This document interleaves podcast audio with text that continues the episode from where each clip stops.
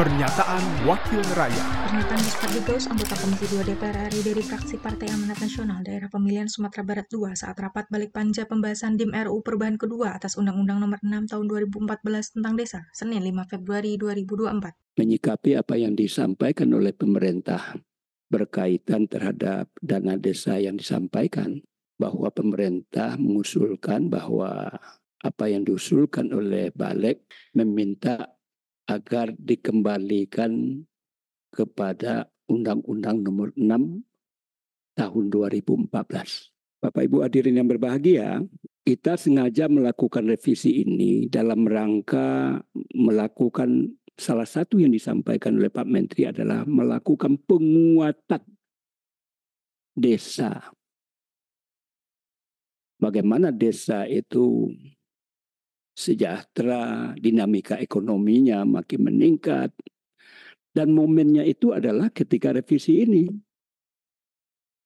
Kalau kita mengacu lagi kepada undang-undang yang sudah hampir 10 tahun, berarti kita tidak punya komitmen untuk bagaimana dinamika kesejahteraan desa itu sebagaimana juga merupakan tuntutan ini bukan tuntutan dari kepala desa, tetapi masyarakat ini. Nah ini nih yang persoalannya. Tentu kita berharap pemerintah juga punya political will dalam menyikapi terhadap dana desa ini.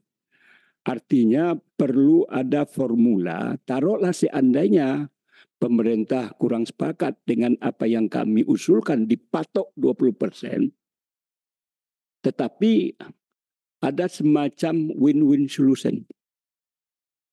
Artinya ada titik temu antara apa yang kami usulkan dengan apa yang menjadi sesuatu yang masih tetap pemerintah pada Undang-Undang 6 2014 itu berarti tidak ada semacam peningkatan keinginan untuk bagaimana desa itu eksis, bagaimana desa itu sejahtera, bagaimana dinamika desa dalam bidang perekonomian dan lain sebagainya tentu juga harus menjadi perhatian bagi pemerintah. Oleh karena itu eh, saya minta supaya ada win-win solution terhadap persoalan antara yang kita balik usulkan dengan apa yang pemerintah sampaikan. Pernyataan Gus Pardigaus, anggota Komisi 2 DPR RI dari fraksi Partai Amanat Nasional Daerah Pemilihan Sumatera Barat II, Produksi Televisi dan Radio Parlemen, Biro Pemberitaan Parlemen Sekjen DPR RI.